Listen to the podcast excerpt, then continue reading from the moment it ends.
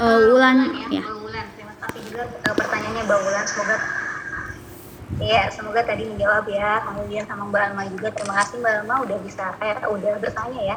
Itu yang pertama uh, kalau hanya di satu uh, kondisi aja gitu ya atau di satu lingkungan doang uh, tergantung sih Mbak gitu ya. Misalnya uh, tergantung itu bisa bisa menjadi permasalahan. Jadi gini, untuk permasalahan tadi belum tentu jadi gangguan ya teman-teman, tapi itu menjadi warning buat kita bahwa memang ada satu hal yang belum selesai gitu ya, bahwa ada satu hal yang uh, membuat kita luka misalkan seperti itu. Dan ya it's okay gitu. Uh, bagus gitu. Uh, bagus kita menyadari hal itu. Karena saat kita sudah bisa menyadari kita saat kita sudah bisa menerima kita bisa memperbaiki gitu. Nah yang bahaya adalah kita tidak bisa tidak menyadari dan tidak bisa menerima gitu ya. Kalau kita misalnya sudah bisa menyadari ini tapi tidak bisa menerima ya kita akan denial terus. Kita akan coba enggak kok aku uh, fine fine aja gitu. Aku nggak sakit hati kok aku nggak marah kok gitu ya. Kita tidak akan bisa memperbaiki. Padahal emosi negatif ada itu untuk warning bagi kita bahwa ada salah satu hal yang memang uh, apa ya ada satu hal yang di luar batas kemampuan kita gitu. Walaupun mungkin untuk orang lain itu kayak biasa aja deh gitu ya misalkan.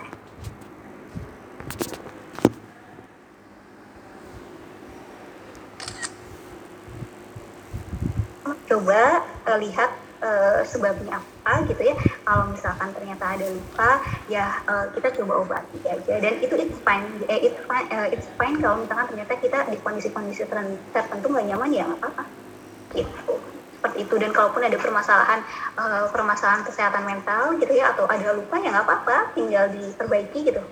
Cuman ya emang tidak segampang itu ya pasti uh, prosesnya pasti akan uh, apa ya meliuk-liuk gitu ya teman-teman ya. Gitu nggak nggak lurus terus gitu ya uh, kayak kurva enggak gitu ya.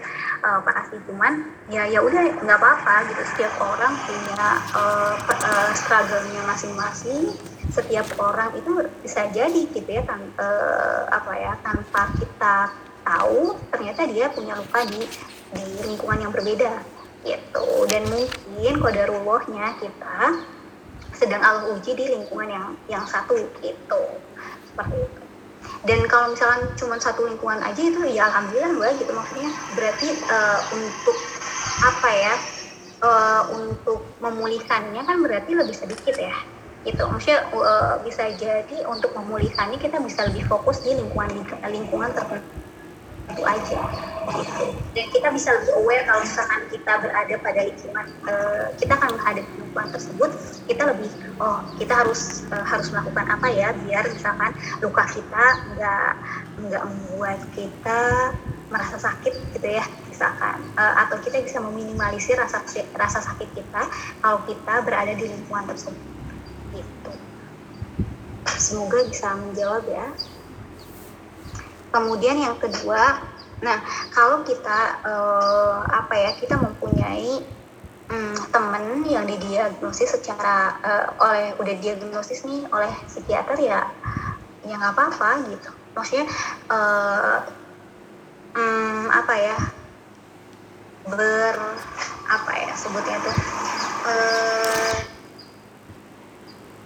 perlakukan sesuai dengan kebutuhannya sih gitu ya. Kalau kan ada ya orang yang misalkan uh, pengen kita merasa bahwa dia butuh untuk uh, kita bersikap uh, seperti nggak tahu apa-apa gitu ya tapi ada orang ya, tapi ada orang yang memang dia butuh uh, butuh sikap kita yang apa ya yang lebih empati kepada dia gitu ya. Nah mungkin kita bisa melihat kebutuhannya, gitu kebutuhan dia apakah dia orang yang eh, or, tipe orang yang memang ingin dibantu oleh kita atau bisa jadi ah cuma ditemenin doang. Jadi lihat kebutuhannya lagi seperti apa gitu. Dan kalau misalkan ternyata misalkan dia uh, temannya itu uh, apa ya pengen dibantu oleh kita gitu ya, pengen didampingi ya dampingi ini semampunya kita aja gitu. Kalau misalkan uh, mbak Alma udah udah aduh kayaknya aku udah nggak bisa ngebantuin kamu udah bisa udah nggak bisa ngedampingin kamu it's okay gitu. Bilang aja atau nggak usah bilang pun uh, kita iniin ke yang lain gitu. Apa ya refer ke yang lain gitu. Kayak misalkan uh, saya kayaknya udah nggak sanggup gitu misalkan. Atau eh kita cari psikolog aja yuk gitu. Atau kita aku dampingin deh ke psikiater gitu misalkan. Atau uh, aku nggak bisa ngasih solusi masalahnya gitu. Tapi siapa tahu sih psikiater bisa misalkan. Kayak gitu sih lama gitu. jadi dampingi aja semampunya sebisa kita. Kalau memang dia mau uh, mau minta bantuan kita. Tapi kalau misalkan dia nggak nggak minta bantuan kita nggak pengen kita apa ya membantu dia ya ya udah uh, berlaku sewajarnya aja. Baik uh, gimana kak Oma apakah menjawab? Okay. alhamdulillah oke. Okay. terima kasih kak. Dan mungkin satu pertanyaan lagi ya biar ganjil. Kan Allah suka ganjil katanya. Silakan uh, ada yang mau bertanya lagi barangkali? Open mic atau oke okay, uh, eh, silakan. saya ya kak. Boleh boleh. Ya mengenai uh, faktor kesehatan mental. Uh, tadi kan remaja itu dunianya adalah pertemanan ya kak.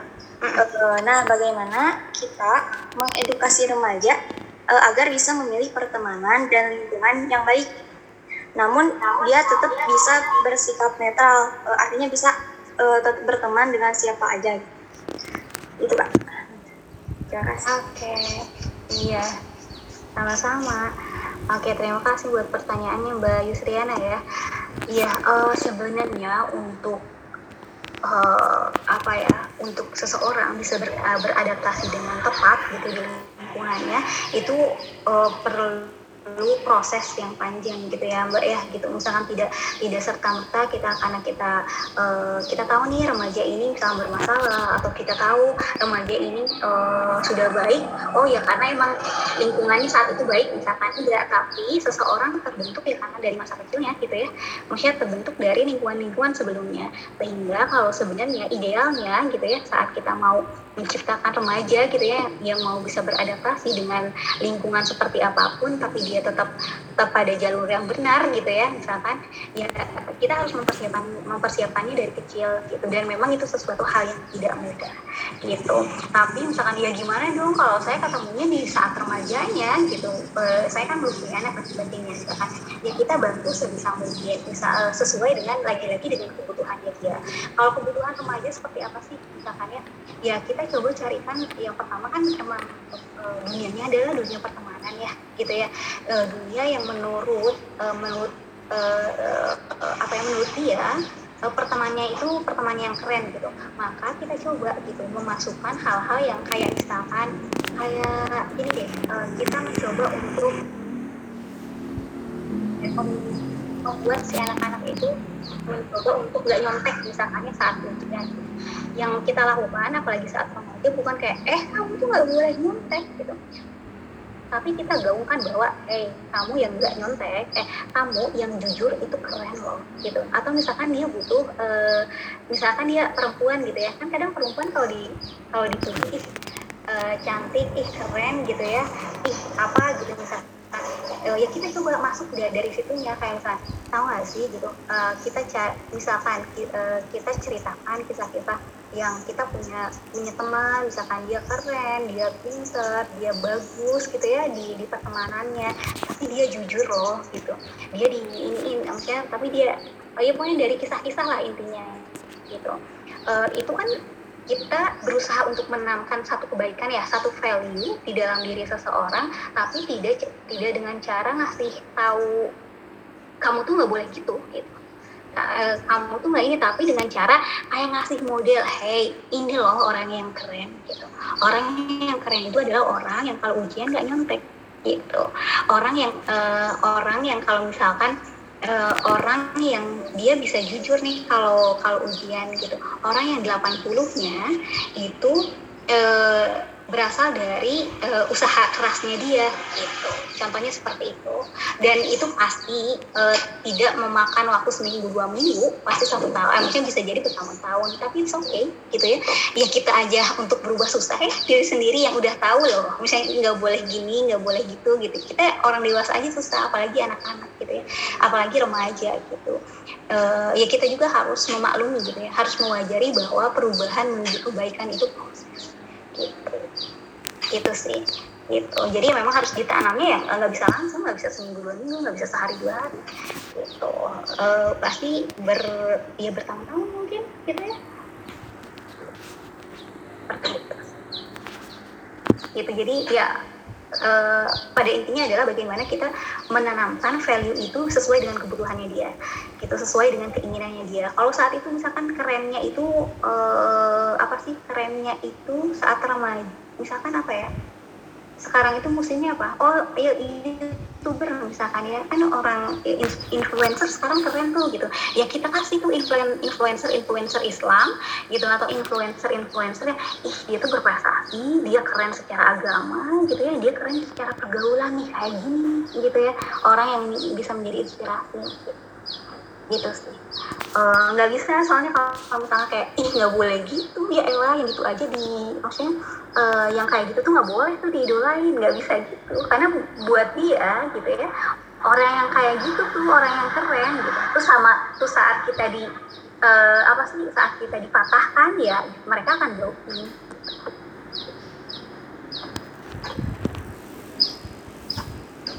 gimana kak? Apakah terjawab Ya, alhamdulillah.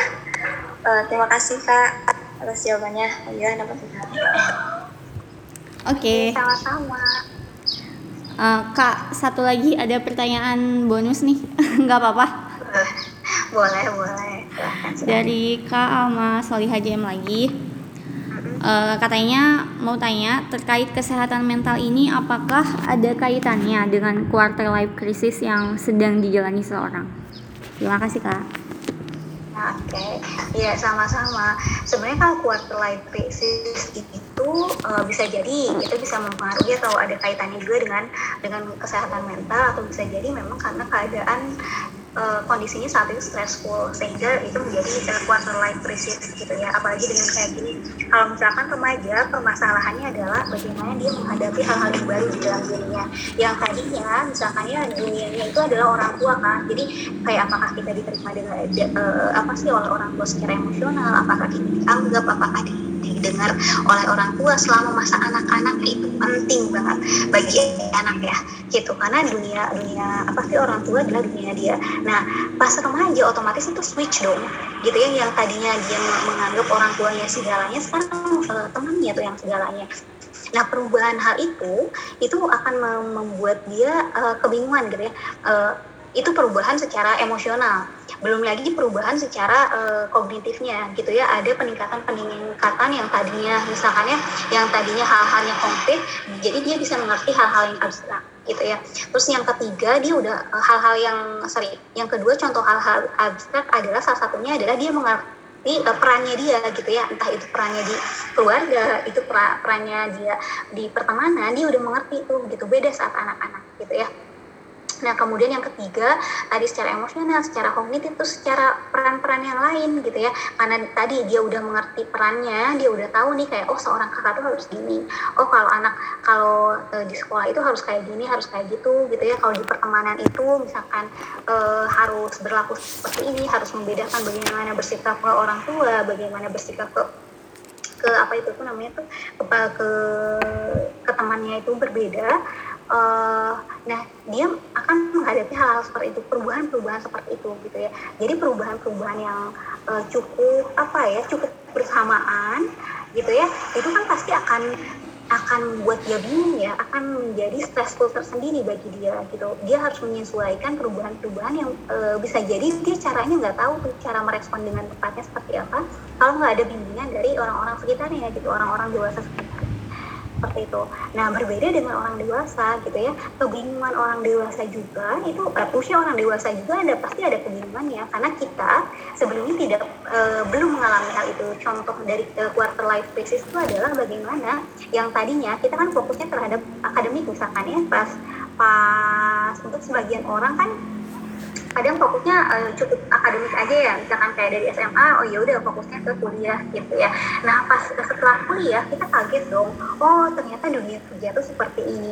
Oh peran yang harus saya emban itu seperti ini gitu ya. Bukan hanya uh, bukan hanya nilai yang harus bagus gitu ya tapi secara finansial juga. Misalkan uh, aku harus mandiri nih secara finansial misalkan gitu ya. Terus yang kedua ada tanggung jawab yang lain. Uh, kita udah mem mulai memikirkan pasangan gitu ya. Karena memang tugas perkembangannya adalah menjalin relasi terutama relasi uh, romantic relationship gitu ya. Menjalin pasangan gitu. Kita memikirkan uh, tentang pasangan uh, tentang bagaimana uh, pasangan gitu. Kemudian nanti uh, kalau misalkan pasangannya udah belum uh, belum tentang memikirkan tentang menikah uh, belum lagi kaget uh, di dunia pekerjaan gitu. Tuntut uh, tuntutan apa ya tuntutan lingkungan dunia pekerjaan juga kan pasti berbeda ya gitu ya pertemanan di dunia di dunia pekerjaan pasti berbeda gitu ya. Kayak misalkan dari SMA kita biasanya bareng ke mana-mana gitu ya ke sini ke sana gitu yang ngumpul gitu. Terus di di kuliah udah mulai individu nih per individu tapi kita masih tetap bareng gitu. Masih masih kita masih punya sahabat dan sebagainya gitu. Tapi misalkan ya di dunia pekerjaan weh semuanya kompetitif nih gitu ya. E, kita harus berjalan sendiri misalkan. Walaupun punya teman tapi ya lebih sedikit gitu daripada SMA nah e, quarter life e, crisis itu bisa dimulai mulai dari hal itu gitu dari kebingungan-kebingungan kita dalam menghadapi stressful yang ada gitu. Apalagi sebelumnya kita uh, kebingungan kita pas ke anak-anak kebingungan kita pas remaja belum terselesaikan gitu. Sehingga pas dewasa ya uh, kebingungan kita bertambah gitu dan itu tidak uh, apa ya dan bisa jadi tidak tersel apa ya kita masih ber kalau memang uh, kebingungan saat anak-anak, kebingungan sama uh, saat saat remaja belum terselesaikan, terus ada nambah kebingungan lagi, itu kan, wih stressfulnya tuh pasti berat banget tuh. Itu sih, jadi ya pasti uh, jawabannya ya bisa jadi ada keterkaitan, bisa jadi ada, bisa jadi bisa jadi enggak juga.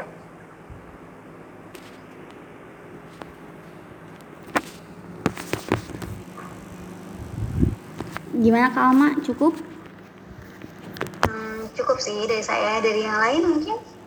Uh, Semoga ya. Silakan. Oke, okay, mantep banget Kak. Relate banget semuanya katanya. Terima kasih atas jawabannya Kak. Oke, okay, mau nambah lagi atau gimana? Mungkin cukup Sampai ya. jam berapa? Enggak, enggak ada batasan waktu kak. Ini ini seru banget serius. Seru banget seru banget. Aku sampai sampai enam lembar ini kak. Serius loh. Nyatet. Wis. Masya allah. Gimana teman-teman? Uh, masih ada satu hal atau dua hal yang ingin didiskusikan? Uh, dihitung sampai lima kali ya. Kalau misalnya nggak ada kita cukupkan diskusi santai kita hari ini tapi penuh hikmatnya masya allah satu dua tiga empat lima. Oke. Okay. cepet banget. Nggak kerasa ya kak dari jam 9 sampai jam berapa ini? 11.25 eh, pertemuan yang benar-benar sangat daging aku benar-benar gak bisa beri kata-kata sih. Makasih banget uh, untuk ilmu yang udah itu masih bisa. Ya udah aku tutup. Canda-canda uh, tuh kan lupa mau ngomong apa.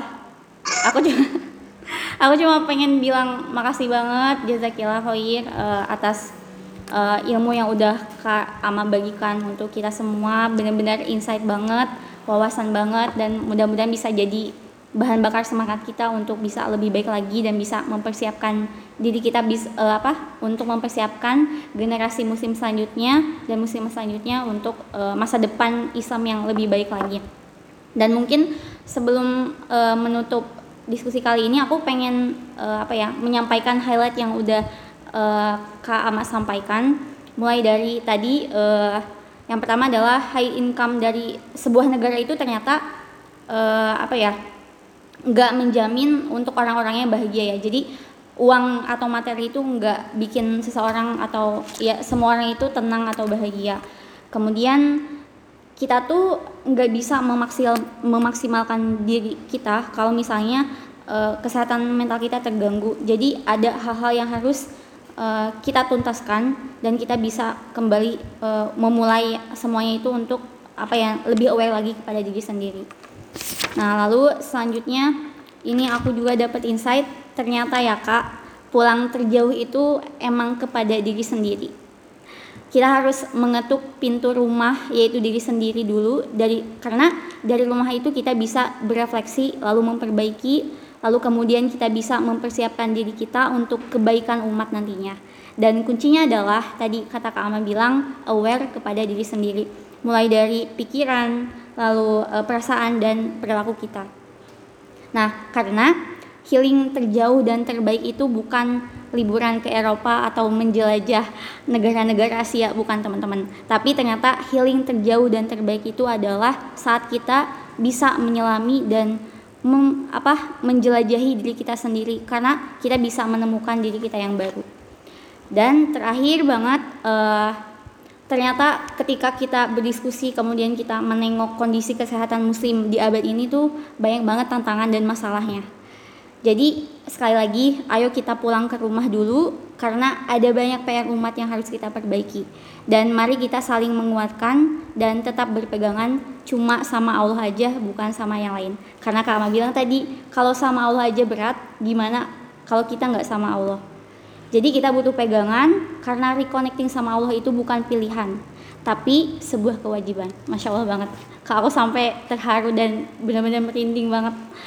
Jazakillah baik banget Kak Ama. Mudah-mudahan ilmu yang Kak Ama sampaikan bisa jadi amal jariah untuk Kak Ama dan bisa menjadi jembatan kebaikan Kak Ama untuk bisa memperluas kebaikannya, memperluas sujudnya kembali. Amin. Uh, mungkin um, sekian dari Kayuhan Sepeda. Mohon maaf kalau misalnya benar-benar banyak kekurangan tadi masalah internet, masalah ini dan sebagainya, uh, mari kita tutup dengan pembacaan hamdalah bersama-sama. Alhamdulillahirobbilalamin. Kemudian uh, doa ya, uh, Bismillahirrahmanirrahim. Ya Allah, yang Maha Pengasih lagi Maha Penyayang. Kalau di antara kami ada yang memiliki masalah hari ini, semoga Engkau ridhoi untuk memberikannya jalan keluar yang berkah untuk mereka. Amin ya mujib. Dan ya Allah, jika ada tujuan yang belum bisa dicapai oleh kami, semoga Allah ridho untuk membersamai kami untuk menjemput tujuan kami. Ya Allah, semoga Engkau menguatkan langkah kebaikan kami karena sesungguhnya kami lemah dan Engkau maha kuat. Allahumma innaka ta'lamu anna hadhil qulub qad ijtamat ala mahabbatik wa taqat ala ta'atik wa tawahadat ala da'watik wa ta'ahadat an nusrati syariatik fa wathik lahumma rabitataha wa limudaha wa jihasbulaha wa amlaha bi nurika alladhi la yakhbu wa syrah suduraha bi faidil imani bik wa jami tawakkuli alaik wa hiya bi ma'rifatik wa mita ala syahadati fi sabilik innaka ni'mal maula wa ni'man nasir amin Allahumma amin wa sallallahu ala Muhammad wa ala sahbihi wa barik wa salim Mari kita tutup dengan pembacaan kafaratul majlis. Subhanakallahumma wa bihamdika asyhadu alla ilaha illa anta astaghfiruka wa atubu ilaik. Alhamdulillahirrahmanirrahim. Jazakillah khair semuanya, eh, teman-teman semuanya yang sudah meluangkan waktunya di tengah weekend yang ya harusnya rebahan atau mungkin nonton Netflix atau itu ya. Tapi semoga e, bisa jadi jalan kebaikan kita hari ini dan bisa menambah semangat lagi untuk bisa lebih baik dan mempersiapkan generasi muslim yang lebih baik juga. Ya, jazakumullah semuanya. Jadi ya Kama, selamat beraktivitas lagi Kama dan semuanya. Terima kasih Kak Eca Pak Rahma. Iya. Dadah, Assalamualaikum. Waalaikumsalam warahmatullahi wabarakatuh. Kasih teh.